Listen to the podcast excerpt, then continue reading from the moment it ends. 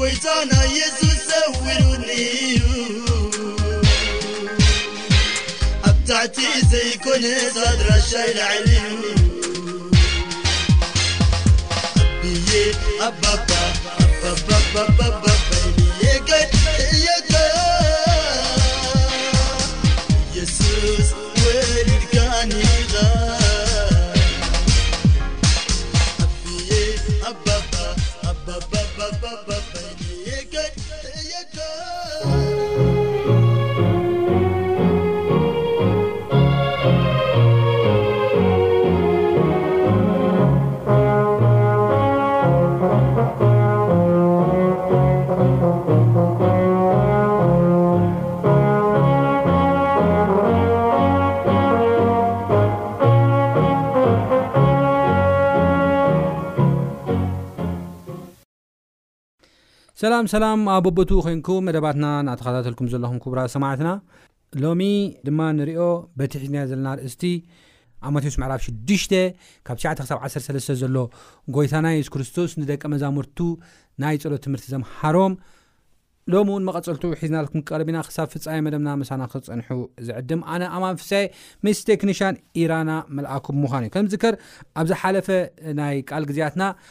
ኣብ ሰማያት ትነብር ኣቦና ዝብል ቃል ኢየሱስ ክርስቶስ ዘምህሮም ናይ መጀመርያ ኣርእፍተ ነገር ወይ ድማ ናይ መጀመርያ እታ ቃል ኣብ ሰማያት ትነብር ትብልሲ እንታይ እያ ተምህረና ዝብል ኢና ኣብ ዝሓለፈ ክልተ ክፋላትና ርኢና ኣብ ሰማይ ዝነብር ኣቦኡ ከም ዘለና እዚ ንዓና ዓቢ ተስፋ ዓቢ ምጽንናዕ ዓቢ ፈውሲ ከም ዝህበና ኢና ንርኢ እዚ ከዓ ብኸመይ እዩ ዝበና ክንብል ከልና ኣብ ሰማያት ዝነብር ኣቦና ካብቲ ኣብ ምድሪ ዘሎ ኣቦ ብሓጢኣት ዝተበከለ ድኻም ዘለዎ ኣቦ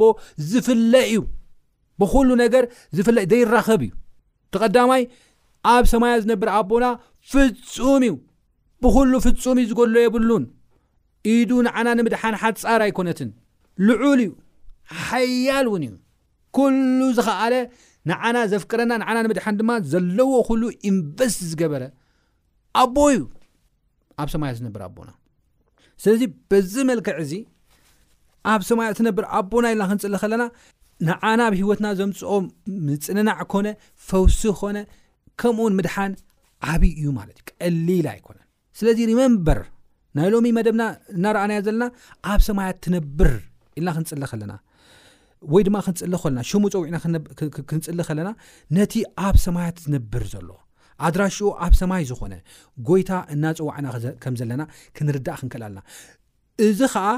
ነቲ ፍጹም ዝኾነ ማለት እዩ ነቲ ሓያል ዝኾነ ማለት እዩ ነቲ ኩሉ ዝከኣሉ ኣምላኽ እናጸዋዕና ከም ዘለና ክንርዳእ ክንክእል ኣለና ማለት እዩ እሞ እዚ ንዓጽምትና ፈውሲ ብርትዐ ሓይሊ ከም ዝበና ኢና ርኢና ኣለና እምበኣር እዚ ምርዳእ እዚ ከ ኣብ ህይወትና ዘምጽኦ ነገር እንታይ እዩ እንተ ኢልና ናይ ሎሚ እንሪኦ ክፋል እዩ ዝኸውን ማለት እዩ እምበኣር ናይ ሎሚ እንሪኦ ክፋል እንታይ እዩ ኣብ ህይወትና ዝፈጥሮ ነገር ክንጽሊ ከለና ነቲ ኣብ ሰማይ ዝነብር ኣቦ ምጽላይና ነቲ ፍጹም እንከን ዘይብሉ ጻድቕ ሓያል ዝኾነ ኣቦ ክንጽውዕ ከለና እዚ ዓይነት ሒዝልና ከመፀ ኣብ ሂወትና ክዝፈጥሮ ነገር እንታይ እዩ ክንብል ከለና ተቐዳማይ ኣብ ቅድሚኡ ትሕት ክንብልን ርእስና ከነዋርድን እዩ ዝገብር ኣብ ቅድሚ ኣምላኽ ኣብ ቅድሚ ሰብ ኣይኮነን ትሕት ክንብልን ኣብ ቅድሚኡ ርእስና ከነዋርድን እዩ ዝገብር ብጣዕሚ ዝገርም እዩ ደው ኢልና ከም በዓል እዮብ እንታይ ገይረ ዝገበርክዎ ኣፍልጠኒ እዚ ኩሉ መከራ ዝበፅሓንስ ንምንታይ እዩ ኢሉ ዝዛረብ ዝነበረ እዮብ ድሓር ግን እንታይ እዩ ኢሉ ኣብ እዮብ ምዕራፍ ኣርዓ ኣብ እዮብ ምዕራፍ ኣርባዓ ከምኡውን ኣብ እዮብ ምዕራፍ ኣርባዓን ክልተ እንታይ ኢሉ ከይና ክንረእ ከልና ከምዚ ይንበብ ሽዑ እዮብ ንእግዚኣብሔር መለሰሉ በለውን እኖ ኣነ ምናምነ እንታይ ኢለኸ ክምልሰልካ ንኣፈይ ብኢደይ ሒዘያ እየ ሓንሳእ ተዛሪበ ነይረ ሕጂ ግና ኣይክምልስን እየ ዕረ ክልተ ሳዕ ግና ኣይክደግምን እየ ኢሉ ከም ተዛረበ ኢና ንርኢ ስለዚ ዕቤት ኣምላኽ እቲ ንጽልዮ ዘለና ኣምላኽ ሰማያዊ ኣምላኽ ኣብ ሰማይ ዝነብር ኣድራሽኡ ሰማይ ዝኾነ ጎይታ ምዃኑ ክንፈልጥ ከለና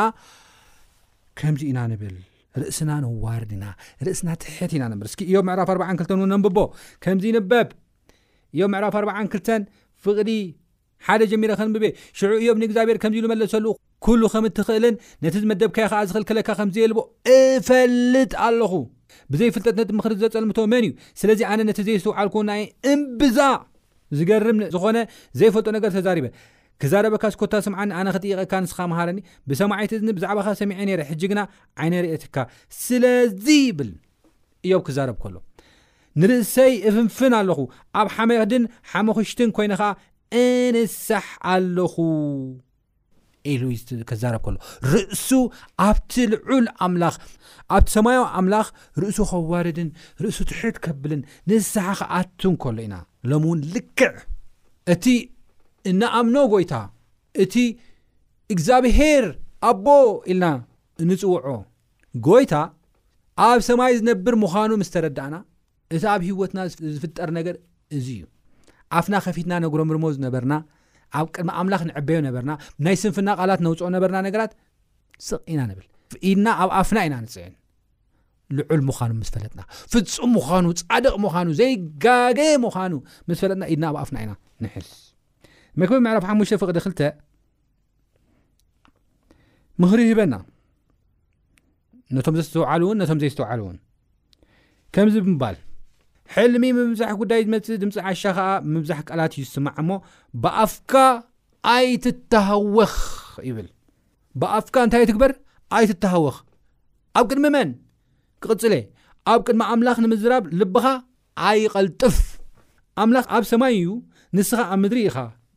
እሞ ስለዚ ቓላትካ ሒደት ይኹን ይብለና ኣምላኽ ኣብ ሰማይ እዩ ንስኻ ኣብ ምድሪ ኢኻ እሞ ስለዚ ቓላትካ ሒደት ይኹን ኣብ ቅድሚ ኣምላኽ ንምዝራብ ልብኻ ኣየቐልጥፍ ኢሉ ክዛረበና ከሎ ኢና ንርኢ ስለዚ ጎይታ ኣብ ሰማይ ዝነብር ኣምላኽ እቲ ሰማያ ኣምላኽ ክንቀርብ ከለና ምጉርምራም፣ ኣፍና ምኽፋት፣ ንዕዑ ዘየኽብር ናይ ትዕቢት ቃላት ምቕልጣፍ፣ ምህዋኽ ዘይግባእ ነገር ምዃኑ ግቡእ ከም ዘይኮነ ይነግርና። ኢንፋክት ከም በዓል እዮብ ዝተረድእዎ ናይ ኣምላኽ ኣብ ሰማይ ኣምላኽ ምንባሩ እንታይ ማለት ምዃኑ ዝተረድኡ ሰባት ኦሬዲ ርእሰ የዋርድ ኣለኹ ፍንፍን ኣለኹ ኣብ ሓመድን ሓመኽሽትን ኮይነ ከዓ ይንሳሕ ኣለኹ ኢሉ ተዛሪቢ ነገር ግን ገና ነቶም ዕቤት ኣምላኽ ዘይተረዶም ልዕልና ኣምላኽ ዘይተረዶም ነቲ ኣብ ሰማይ ዝነብር ኣድራሽኡ ሰማይ ዝኾነ ጎይታ ማንነት ዘይተረድኦም ሰባት ግን ኣይተቐልጥፉ እዩ ዝበሃል እዚ ምክሪ እዚ ከም ዝወሃቦም ኢና ንርኢ ማለት እዩ ኣብ ዝሓለፈ ጥቕስና ኣብ ኢሳያስ ምዕራፍ ሽዱሽተ ፍቕሪ ሓደ ዘሎ ጥቕሲ ኣንቢቤ ነይረ ኢሳያስ በታ ኡዝያ ዝሞተላ ዓመት ኣብ እግዚኣብሄር ኣብ በሪክን ልዕል ዝበለን ዝፋን ተቐሚጡ ከሎ ረኤኽዎ ዘፈራት ልብሱ ከዓ ነቲ መቕደስ መሊእዎ ነበረ ኢሉ ዝተዛረቦ ጥቕሲ ኣንቢብና ነርና ልዑል ኣምላኽ ምዃኑ ንምርኣይ ማለት እዩ ድሓር ልዑል ኣምላኽ ምስ ረኣየ ፍፁምንኡ ምስ ረኣየ ኩሉ ከኣልነቱን ሓይሉን ክብሩን ምስ ረኣየ ኢሳያስ ዝበሎ ነገር ሓደን ሓደን ጥራሕ እዩ ቁፅሪ ሓሙሽተ ሽዑ ድማ ከናፍረይ ዝረኹስ ሰበ ኣብ ማእከልቲ ከናፍሩ ዝርኹስ ህዝቢ ከዓ እነብር ኣለኹ እሞ ወይለይ ኣዒንተይ ንንጉስ ንእግዚኣብሄር ጎይታ ሰራዊት ርኤኔን እሞ ጠፋእኩ በልኩ ይብለና ዕቤት ኣምላኽ፣ ሓይሊ ኣምላኽ፣ ግርማ ኣምላኽ፣ ፍጽምና ኣምላኽ፣ ኣድራሽኡ እቲ ኣብ ሰማይ ዝኾኖ ጎይታ ክንሪኦን ክንርድኦን ከለና ናብ ጸሎት ክንቀርብ ከልና ወይለይ ጠፋእኹ ኢና ንብል ስለ ዘፈራርሕ ሰይፍ ሒዙ ስለ ዘፈራርሕ ጨካን ስለ ዝኾነ ኣይኮነ ዕቤቱ ክንርኢ ከለና ግን ክሳብ ክንደይ ንሕና ንኣሽቱ ምዃንና ክንርኢ ከለና ግን ኣዚና ርእስና ከም ነዋርድ ኣብ ቅድሚ ኣምላኽ እዩ ዝነግረና ማለት እዩ ብጣዕሚ ዝገርም እዩ እዚ ጥራሕ ግን ኣይኮነን ኣብ ራእይ ምዕራፍ ዓርባዕተ ፍቕዲ ዓሰርተ እውን ከይና ኣብ ንርእየሉ እዋን ብዛዕባ እቶም ዕስራን ኣርባዕተን ሽማግለታት ይዛረበና እዩ ብዛዕባ እዚኦም ክዛረቡ ከለዉ ኣብ ቅድሚ ኣምላኽ እናሰገዱ እናሃለዉ ድሓር እቶም ዕስራን ኣርባዕተን ሽማግለታት ኣብ ቅድሚ እቲ ኣብ ዝፋን ተቐሚጡ ዘሎ ፍግም ኢሎም ምስ ረኣይዎ ማለት እዩ እዎ ጎይታናን ኣምላኽናን ንብዘሎ ንስኻ ፈጢርካዮ ስለ ፍቓድካውን ኮይኑ ተፈጢሩ እዩ እሞ ንስኻ ክብርን ስብሓትን ስልጣንን ንምውሳድ ብቑዕ ኢኻ እናበሉ ኣብ ቅድሚ የሱስ ነቲ ንዘልኣለም ህያው ኮይኑ ዝነብር እናሰገዱ ኣኽሊላቶም ኣብ ቅድሚ እቲ ዙፋን ይድርብዩ ኣለዉ። ሕጂ እዞም ሰባት ናይ እምነት ጀጋኑ ኢኹም ንኣምላኽ ኣኽቢርኩም ሓሊፍኩም ኢኹም ተባሂሎም ኣኽሊል ዝወሃቡ እዮም እዚ ኣኽሊል እዚ ንዖም ተዋሂብዎም ብጣዕሚ ፅቡቕ ሰሪሕኹም ተባሂሎም ተዋሂብዎም ነገር ግን ዕቤት ኣምላኽ ክሪኡ ከለዉ ግርማ ኣምላኽ ክሪኡ ከለዉ ፍቕሪ ኣምላኽ ክሪኡ ከለዉ ፍፅምናን ጥበብን ኣምላኽ ክሪኡ ከለዉ ዚኣር ናቲንግ በቃ ንሶም ምንም ከም ዘይኮኑ ባዶ ምዃኖም እዮም ዝሪእዎም ድሓር እዚ ኣኽሊል ኢትስ ኖት ዲዘር ፎርሚ ንዓይ ዝግባእ ኣይኮነን ኢሎም እቲ ኣኽሊል ባዕሉ ዝሃቦም ንእግዚኣብሔር ክድርብይሉ ከለዉ ኢና ንርኢ። እዚ ምስጋና ክብሪ ዝግብኣካ ሓይልን ዕቤትን ዝግብኣካ ንስኻ ኢኻ ኣድራሻኻ ሰማይ ዝኾነ ኣቦና ንዓኻ እዩ እዚ ዲዘርቭ ዝግበር ንዓኻ እዩ ዝግባእ ክብሉ ከለዉ ንርኢ ማለት እዩ ማለት ናይ መጀመርያ ኣብዚ ከስምረሉ ዝደለ ሓሳብ ተሃለወ እንታይ እዩ ናይ መጀመርያ ሓሳብ እቲ ኣድራሽኡ ኣብ ሰማይ ዝኾነ ኣቦና ማንነት ኣብ ንፈልጠሉ እዋን ርእስና ኣትሕት ኣቢልና ርእስና ኣዋሪድና ኣብ ቅድሚኡ ከም እንቐርብ ዘርኢ ሓሳብ እዩ እቲ ናይ መጀመርያ ንገብሮ ልዑል ኣምላኽ ባህሪኡን ሓይሉን ግርምኡን ኣብ ንርእየሉ እዋን ናይ መጀመርያ ንገብሮ ኢሳያስ እውን ከም ዝገበሮ እዮብ እውን ከም ዝገበሮ እዞም 24 ሽማግለታት እውን ከም ዝገበርዎ ካልኦት እውን ጳውሎስ ንባዕሉ ጳውሎስ ቅድሚ ምባሉ ናይ የሱስ ክርስቶስ ግርማ ምስ ርኣየ ከምኡውን ካልኦት ርእሶም እዮም ዘዋሩ ርእስኻ ኢኻ ትሕት ተብል እቲ ናይ መጀመርያ መግለፂ ርእስኻ ኣዋሪድካ ትሕት ኢልካ ምቕራብ እዩ መግለፂ ዝኾኑ ኣብ ሂወትና ዝፍጠር ነገር ትዕቢት ዝበሃል ካባና ይውገድ እዩ ማለት እዩ። ደስ ዘብል ነገር ግን ሓደ ነገር ኣሎ ኣብዚ እቲ ደስ ዘብል ነገር እንታይ እዩ ክንብል ከለና እቲ ቀዳማይ እግዚኣብሄር ርእሶም ኣዋሪዶም ብትሕትና ናብኡ ዝቐርቡ ሰባት ንሱ ንዝተሰበረ መንፈስ ንቁጥቁጥ መንፈስ ትሕት ኢሉን ዝቐርብ መንፈስ ኣይንዕቕን እዩ ኣይንዕቕን እዩ እሱ እዩ ደስ ዘብል ሓምሳን ሓደን ቁፅሪ ዓሰርተ ሸውዓተ ከም ዝብል ሓሳብ ኢና ንረክብ ዳዊት ናይ ንስሓ መዝሙር ንዘምረሉ እዩ እዚ ማለት እዩ ድሕሪ ሓጢኣት ምስርሑ ጎይታ የቕረበለኒ ኢሉ ምስ ጸለየ ብትሕትና ልቡ ተሲሩ ኣብ ቅድሚ ኣምላኽ ምስ ቀረበ ናይ እግዚኣብሄር ሪስፖንስ ኢና ንርኢ ወይ ድማ ናይ እግዚኣብሄር ምላሽ ኢና ንርኢ ኣብዚ ዳዊት ብዛዕባ እግዚኣብሄር ማንነት ዝተዛረቦ ማለት እዩ እሞ እንታይ ይብል መስዋእቲ ኣምላኽ ስቡር መንፈስ እዩ እቲ ንሕና ነቕርበሉ መስዋእቲ በጊዕ ኣብ ብሉይ ኪዳን ዝነበረ ማለት እዩ በጊዕ ጤል ገለ መልታት ኣብ ሓድሽ ኪዳን ከዓ መዝሙር ብዕሽር መባእን ወይ ድማ ምስጋና ኣምልኾ እዚ ሙሉእ ሲ ሰንተሩ ስቡር መንፈስ እዩ ብትሕትና ምቕራብ እዩ ይብለና ወ ኣምላኽ ይብል ንስቡርን ቁጥቁጥን ወይ ድማ ንስቡርን ዝተዋረደን ልቢ ኣይትንዕቆን ኢኻ ልዕል ልዕል ኢኻ ተብሎ ተኽብሮ ኢኻ ክብለና ከሎ ኢና ንርኢ ማለት እዩ ብጣዕሚ ዝገርም ነገር ማለት እዩ ዘይንዕቕ ኣምላኽ እዩ ርኢኹም ዕቤት ኣምላኽ ርኢና ልዕልና ኣምላኽ ርኢና ኣድራሽኡ ሰማይ ዝኾነ ኣቦና እንታይ ማለት ምዃኑ እዚ ኣብ ሰማይ ዝነብር ኣቦና ንዓና ስታይ ምዃኑ ሲ ርኢና ኣብ ቅድሚኡ ትሕት ክነብል ከለና ብቕጥቁጥ መንፈስ ስቡር መንፈስ ትሕት ኢልና ክንቀርብ ከልና ከም በዓል እዮብ፣ ኢሳያስ፣ እዞም ዕስራን ኣርባዕተን ሽማግሌታት ከምኡውን ካልኦት ከም በዓል ዳዊት ንሱ ከኣ ኣይንዕቐናን እዩ ንሱ ከኣ ይባርኸና እዩ ልዕል ልዕል የብለና እዩ ንኣብነት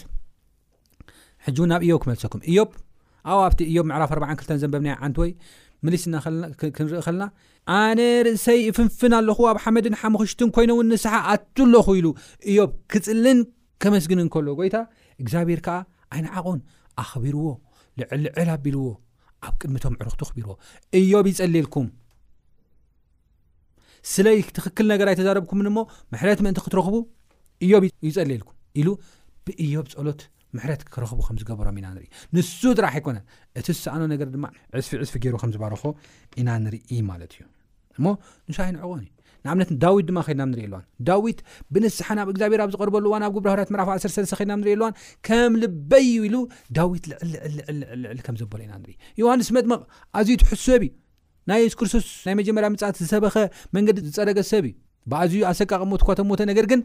ከም ዮሃንስ መጥመቕ ሰብ የለን ኢሉ ከም ተዛረበ ማዕ ንምንታይ ግን ከማይ ኢሉ ተዛሪቡ ኣብ ዮሃንስ ወንጌል ምዕራፍ ሰለስተ ፍቕዲ ሰላሳ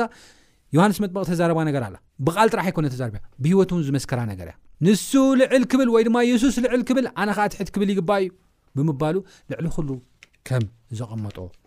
እንሪኦ ሓሳብ እዩ ስለዚ እግዚኣብሄር ንስቡር ንቕጥቁጥን ልቢ ኣይንዕቆን እዩ ኣይንዕቆን እዩ። እንድያም ልዕል ልዕል እዩ ዘብሎ የኽብሮ እዩ ይባርኾ እዩ ዝብል እምነት እዩ ዘለና ማለት እዩ። ስለዚ ዕቤት ኣምላኽ ኣብ ንርእየሉ እዋን እቲ ኣብ ሰማይ ኣድራሹ ኣብ ሰማይ ዝኾነ ኣቦና ኣብ ንርእየሉ እዋን ኣብ ውሽጥና ናይ መጀመርያ ዝፍጠር ነገር እንታይ እዩ ስቡርን ቁጥቁጥን በቃ ዝተዋረደ ልብን እዩ ኣብ ውሽጥና ዝፍጠር ኣብ መን ኣብ ቅድሚ ኣምላኽ ክንቀርብ ከለና ማለት እዩ እቲ ካልኣይ ከዓ ዝፍጠር እንታይ እዩ እምነት እዩ Trust ንብሎ ቃል እዩ ኣብ ውሽጥና ዝፍጠር። ኣብ ዕብራውያን ምዕራፍ ዓሰርተ ሓደ ፍቕዲ ሽዱሽተ ከድና ኣብ ንርእየሉ እዋን ከምዚ ዝብል ቃል ኣሎ። ብዘይ እምነት ግና ንኣምላኽ ክትምርዎ ኣይከኣልን እዩ። እቲ ናብ ኣምላኽ ዝመጽእ ዝደሊ ንሱ ከም ዘሎ ነቲ ነቶም ዝደልይዎ ዓስቢ ከም ዝህቦምን ክኣምን ይግብኦ እዮ ከም እተባህለ እቲ ካልኣይ ኣቦና ኣብ ሰማይ ዝነብር ምዃኑ ምፍላጥና ባህሪኡን ዕቤቱን እንታይ ማለት ምዃኑ ምፍላጥና ኣብ ውሽጥና ዝፈጥሮ ሓደ ዓብዪ ነገር ተሃለወ እንታይ እዩ እምነት እዩ ኣብኡ ክንድገፍ ኣብኡ ክንውከል እዩ ዝገብረና ስቕኢልካ እምነት ኣይኮነን ንኣምላኽ ዘኽብር ንኣምላኽ ዝሕጉስ እምነት ኣብ ውሽጥና ክነብር ከም ዝገብር ኢና ንርኢ ማለት እዩ እሞ ክልተ ሓሳባት ክህብ ደሊ ኣብ መወዳእታ ማለት እዩ ተቐዳማይ ሰማዮ ኣበና ኣድራሽኡ እግዚኣብሔር ኣቦና ኣድራሹ ኣብ ሰማይ እዩ ኣድራሹ ኣብ ሰማይ እዩ ኣድራሹ ኣብ ሰማይ ምዃኑ ድማ ዓብዪ ምዃኑ ርኢና ኢና ስለዚ ዛዕባ ኣምላኽ ድማ ንዓ ንሕና ብፍቕርን ብፍርሓትን ክንግዝኦ ይግባኣና ምናልባት ፍቕርን ፍርሓትን ዝብል ቃል ክልተ ተፃራሪ ነገራት ክመስሉ ይኽእሉ እዮም። ኣብ መጽሓፍ ቅዱስ ንኣብነት ኣብ ቀዳማ ዮሃንስ ምዕራፍ ኣርባዕተ ፍቕዲ ዓሰርተ ሸሞንተ ከይድና ኣብ ንርእየሉ እዋን እግዚኣብሔር ፍቕሪ እዩ ምስ በለ ፍራቲ ስቓይ እተምጽእ እተዝፈረ ከኣ ብፍቕሪ ፍጹም ኣይኮነን እታ ፍጽምቲ ፍቕሪ ግና ንፍርሃት ተባርራ ደኣ እያ እምበር ኣብታ ፍቕርስ ፍርሃት የልቦን ይብለና ኣብዚ ሕጂ ፍርሃት ይብለና ብፍቕሪ ትባረር እያ ይብለና ንእግዚኣብሔር ብምፍቃር ንእግዚኣብሔር ምፍታው ማለት እዩ ኣብ ራይ ምዕራፍ 14 ፍቕዲ ሸውዓተ ከኣ እግዚኣብሔር ፍርሑ ክብሩን ሃብዎ ዝብለና ቃል ኣሎ ብኸመይ ዳይ ዝተሓስ ክንብል ከልና እዚ ኣብ ዮሃንስ ቀዳማ ዮሃንስ ምዕራፍ ኣርባዕተ ዝዛረቦ ዘሎ ቃል እቲ ፍርሓት ዝብሎ ዘሎ ኣሉታዊ ፍርሓት እዩ ዊች ብናትና ኣተሓሳስባ ዝቐረፅናዮም ዓበይቲ ኢና ኢልና ዝግዘፍናዮም ከይጥፍኡና ታሽሙ ኢልና ንፈርሖም ንስገእሎምን ነገር እዩ ስለዚ ከምዚ ዓይነት ፍርሒ ኣምላኽ ኣሚንካ ከምዚ ዓይነት ስግኣታት ኣብ ውሽጥኻ ንኸይነብር እቲ ናይ እግዚኣብሔር ፍቕሪ ከም ዘባርሮ ኢና ንርኢ ኣብ ራይ ምዕራፍ 14 ፍቕዲ ሸውዓተ ዝብሎ ዘሎ ግን ፍርሑ ዝብሎ ዘሎ ንኣምላኽ ተኣዘዙ ኵልንትናኹም ንኣምላኽ ሃብዎ እዩ ዝብል። ስለዚ፣ እቲ ኣብ ሰማይ ዝነብር ኣቦና፣ ልዑል ኣምላኽ፣ ብፍቕርን ብፍርሓትን ክንግዝኦ ኣለና፣ ማለት ብምሉእ ልብና፣ ብዅሉ ሓሳብና ኣፍቂርና፣ ህይወትና ንዕኡ ኣረኪብና ብመንገዱ ክንከይድ ይግብኣና እዩ ዝብል ጻውዒት እዩ ዝጽውዓና ማለት እዩ እሞ፣ ኣብ ሰማያት ዝነብር ኣቦና፣ ኣድራሽኡ ኣብ ሰማይ ዝዀነ ኣቦና፣ ኣዝዩ ዝገርምን ኣዝዩ ዘደንቕን ኣምላኽ ከም ምዃኑ ዝተላዕለ ከነኽብሮን ፍግም ኢልና ክንሰግደሉን ይግባእ እዩ። እዚ ክንገብር እምበኣር እግዚኣብሄር ጸግኡ የብዝሓልና። ሰላም ኩኑ።